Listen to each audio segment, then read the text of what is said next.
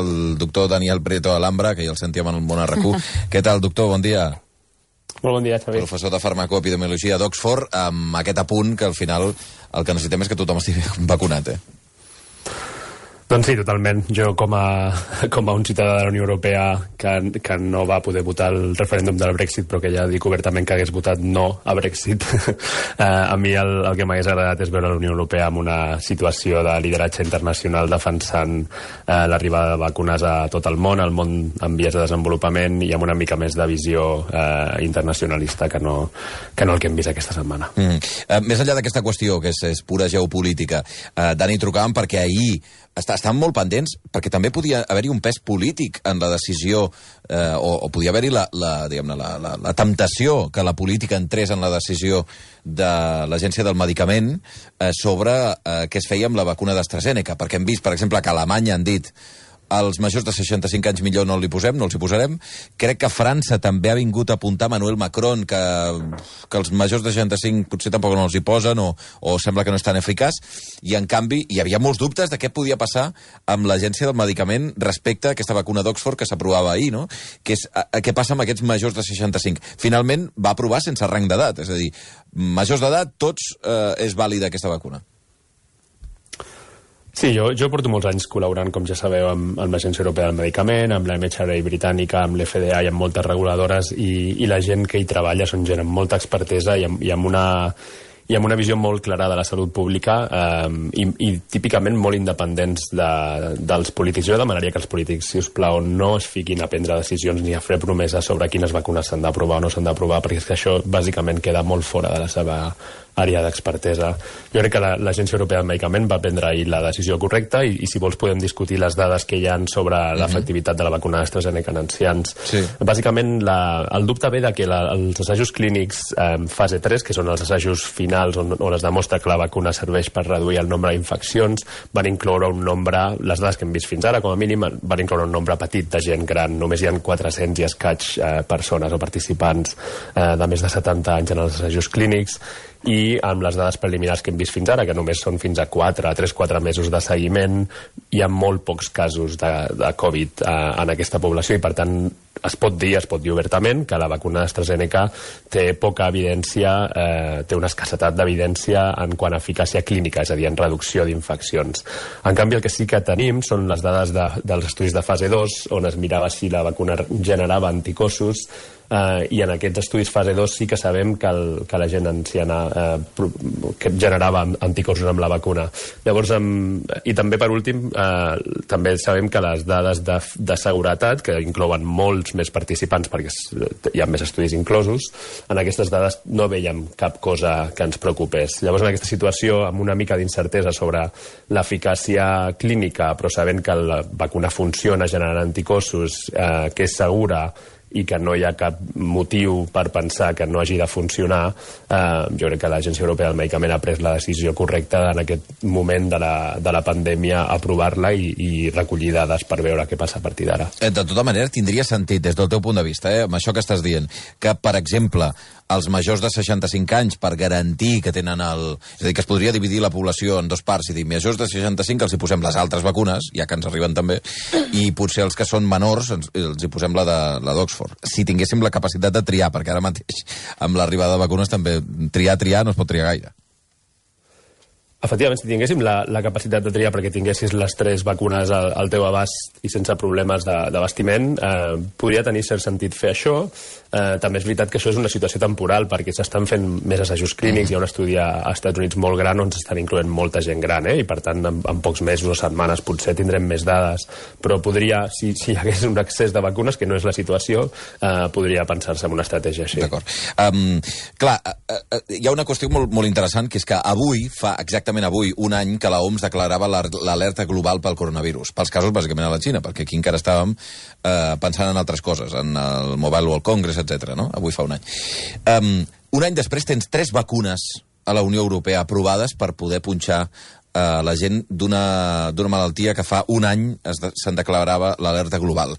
Hi ha el cas eh, bueno, des d'aquest punt de vista, no, no sé quina és la teva valoració, eh, eh, Dani, però, evidentment, no sé si té masses eh, precedents una situació d'aquest tipus, no la velocitat a què s'ha anat.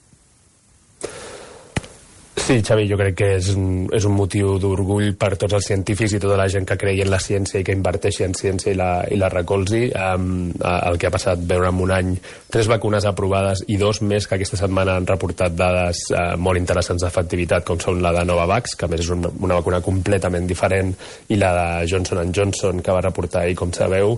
Uh, són cinc vacunes que segurament podran ser aprovades a les properes setmanes uh, en, en un any des de la declaració de la pandèmia. És, és un, és, és al·lucinant. Jo sempre he sigut molt optimista, crec, eh, en aquest programa i en altres, dient que tindríem vacunes aviat perquè la tecnologia i la inversió que s'estava fent en, ens portava a pensar això, però realment l'esforç ha sigut sobrehumà. Mm. Deixem en aquestes dues que has dit, perquè ahir sabíem les dades de Janssen o de Johnson Johnson, no?, d'aquesta nova mm. vacuna, que, que no sé si es produeix a Europa, eh, diria que sí, o parcialment a Europa, com a mínim, um, però que, en tot cas, s'estaven fent proves, per exemple, entre les, les, les anàlisis clínics, no?, s'estava fent a Can Ruti, a Catalunya, per tant, que la tenim, diguem-ne, molt a prop. Que, com hem de llegir les dades que es van fer públiques ahir? Perquè segurament de totes les vacunes que hem vist fins ara va ser la, la que donava uns resultats més baixos, però té molts altres beneficis. Fes-me un dibuix de la vacuna de Janssen. Sí, jo, el primer que et diré, Xavi, és que jo crec que no és una...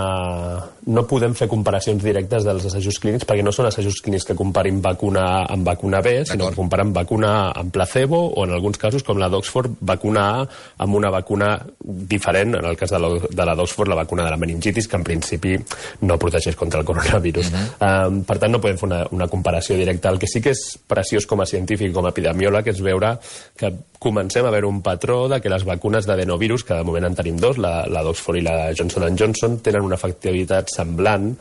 La diferència entre el 66% i el 70% realment és, eh, és eh, una qüestió d'incertesa. Eh? Pots considerar que són efectivitats eh, o eficàcies molt semblants eh, i veiem que les vacunes de, de RNA eh, tenen una efectivitat més alta entre el 90 i 95% i ara aquesta setmana hem après la Novavax eh, que semblaria que va al voltant del 90%. És a dir, que sembla que hi ha un patró de que les vacunes d'adenovirus poden ser una miqueta menys efectives, tot i que ja dic que la comparació és, eh, és injusta, però, però semblaria que poden ser una mica menys efectives, eh, però tenen un, un perfil molt diferent i són vacunes que coneixem molt bé, que es poden separar les dosis més temps si calgués, uh mhm. -huh. eh, i en el cas tant la d'Oxford com la de Johnson Johnson eh, demostren aquest nivell d'efectivitat de voltant del 70% de reducció de casos, és a dir, infeccions simptomàtiques, però una reducció molt més alta, fins al 95-90% de, de casos greus, és a dir, de, de casos que necessiten hospitalització, que això és important remarcar-ho. Mm. Gran avantatge de la de Johnson Johnson. Una sola dosi. Sí, efectivament, ells estan ara fent altres proves, altres assajos clínics mirant si posar una segona dosi ens donaria un, un reforç eh, durant el temps, com un recordatori, però semblaria que la primera dosi ja, ja funciona i per tant logísticament això ens facilita molt, eh, molt les coses no? en el cas de la, de la vacuna d'Oxford que és l'altre adenovirus que tenim eh, els assajos clínics ja demostraven que separar les, la segona dosi tres setmanes o tres mesos donava el mateix nivell d'efectivitat és a dir que amb aquestes vacunes d'adenovirus com a mínim sabem que la segona dosi és més un recordatori que no una necessitat immediata per acabar de reforçar mm. Interessant que eh, en aquesta diferenciació que fas que jo crec és molt pedagògica entre unes vacunes i unes altres eh, per parles de Moderna i de Pfizer per un cantó, que són les primeres que ens han arribat, que tenen una efectivitat altíssima, però clar, tenen moltes dificultats de distribució, eh, fins i tot de producció, no són les que segurament tenim menys, menys quantitat, però seria això, que, que les que poden canviar el curs de la malaltia realment serien Oxford i Janssen, perquè eh, són molt més fàcils de transportar, perquè crec que se n'han produït moltes més. Seria això? Efectivament, tenen dos avantatges clau. Un és el logístic a nivell de transportar, de, de conservació i de més, i l'altre el preu. Tant, tant AstraZeneca per, per l'acord que té amb Oxford com Janssen per una decisió pròpia de Johnson Johnson són vacunes que es produiran a cost, és a dir, que les dues empreses s'han compromès a, a no fer diners durant el, mentre segueixi durant la pandèmia, és a dir, quan, quan la pandèmia acabi ja veurem, segurament augmentaran el cost, però de moment eh, estan en aquest cost i, i, i són dues empreses que s'han compromès a produir-ne i a distribuir-ne per països en vies de desenvolupament, mentre que les altres eh, és molt difícil que, que pensem en distribuir-les per la qüestió logística, perquè no tindràs eh, congeladors a menys 80 en una zona remota de l'Àfrica, per posar un exemple, i perquè el cost és impagable per a aquests països. Johnson Johnson és igual que Oxford en aquest sentit? És nevera i ja està? Sí, sí, nevera ja està, no, no, no hi ha cap problema de conservació en congeladors i de més, i, i una tecnologia molt ben coneguda, la d'adenovirus, eh, que, que, ens, que ens fa estar molt tranquils en quant a bueno, pues això que ha passat, per exemple, amb les, eh, amb les reaccions al·lèrgiques, amb mm. la de mm. Pfizer, no? Eh, pues, en principi, la gent que ha tingut reaccions al·lèrgiques prèvies es posaran aquesta vacuna en comptes de posar-se les d'RNA. Quan creus que es pot aprovar a Europa la vacuna de Janssen? Uh, pues si, si mirem els temps que s'ha trigat en, en aprovar les altres, que ha sigut al voltant d'un mes, si fem els comptes, m'imagino que cap a finals de febrer podria, podria avaluar-se. Penseu que la, la EMA va fent aquests rolling reviews que li diuen, que vol dir que cada vegada que surten dades noves ells les van ja revisant en el moment en comptes d'esperar-se a rebre tot, sí. el, tot el dossier uh, i, i amb la de Johnson Johnson, uh, Johnson Johnson també ho estaven fent i per tant sí, jo, jo imagino que en les properes 4 o 5 setmanes. Mm -hmm. O sigui que, que de cara al març podem podem tenir aquestes tres que hem dit fins ara, més Johnson Johnson al damunt de la taula a Europa. Sí, sí, sense dubte. I, i la Novavax que et comentava, sí. eh, m'imagino que també deu estar eh, en, en, fent cua. Novavax estaríem parlant d'una altra cosa diferent? Perquè tu m'has parlat, bàsicament, de dos blocs de vacunes, les americanes Moderna, Pfizer, que tenen una tecnologia eh, ARN, no? I, i en aquest sentit eh, l'ARN missatger aquest famós, i que van per un cantó, mm -hmm. són els que necessiten mm, congelació, eh, que són, vaja, que tenen moltes dificultats, però que són molt efectives. Hi ha la d'Oxford i Johnson Johnson, que, que són el sistema conegut, per entendre'ns. Novavax per on va? Novavax és, una, és un tipus de vacuna diferent que bàsicament eh, el que fa és injectar directament la proteïna del virus eh, proteïna spike, aquesta o espina, que és la que produeix anticossos i, la, i per la que podem eh, produir defenses, eh, amb una estructura que es diu glicoproteïna per bàsicament fer que quan te la injecten el teu cos no la, no la, no la deteriori immediatament, sinó que arribi a les cèl·lules i, i, i faci produir anticossos. És, és un tercer tipus de vacuna que segur que tindrà un perfil diferent de, de seguretat, d'eficàcia i que segurament d'aquí un any, quan, quan ja coneixem tot això i tinguem totes les dades i de més, eh, veurem l'avantatge de tenir un armament armamentari diferent de moltes vacunes diferents. Mm. Acabo només amb una pregunta, eh, doctor Alhambra, amb, o Prieto Alhambra. Et diuen Alhambra o Prieto Alhambra a Oxford?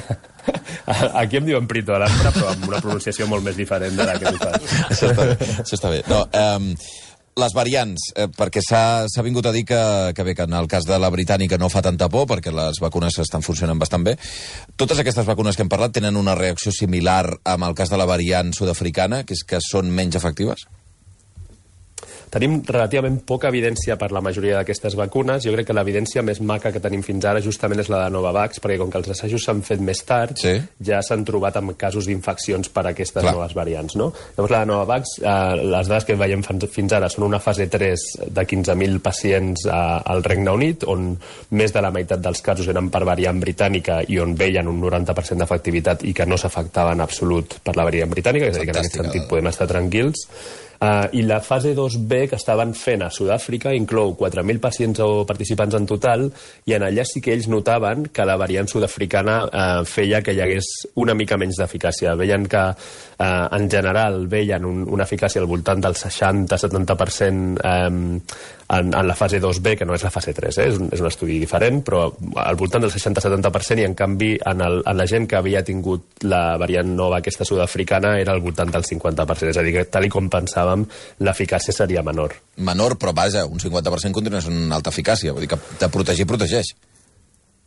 Sí, aquesta sí, aquesta vacuna ho sabem, la resta sabeu que s'estan fent proves i els laboratoris van, van explicant coses i em sembla que Moderna va dir fins i tot que, que estava pensant en, en potser retocar la seva vacuna Correcte. per augmentar l'eficàcia. El que està esperant és això, l'eficàcia jo crec que potser no ho hem explicat gaire bé, jo, jo el primer no és un blanc o negre, és un, és un color de grisos, no? i el que Clar. pensem és que segons quines variants pot ser que s'escapin relativament de la, de la immunitat que produeixen les vacunes. Doctor Dani Prieto Alhambra, moltíssimes gràcies, com sempre. Gràcies, Xavi.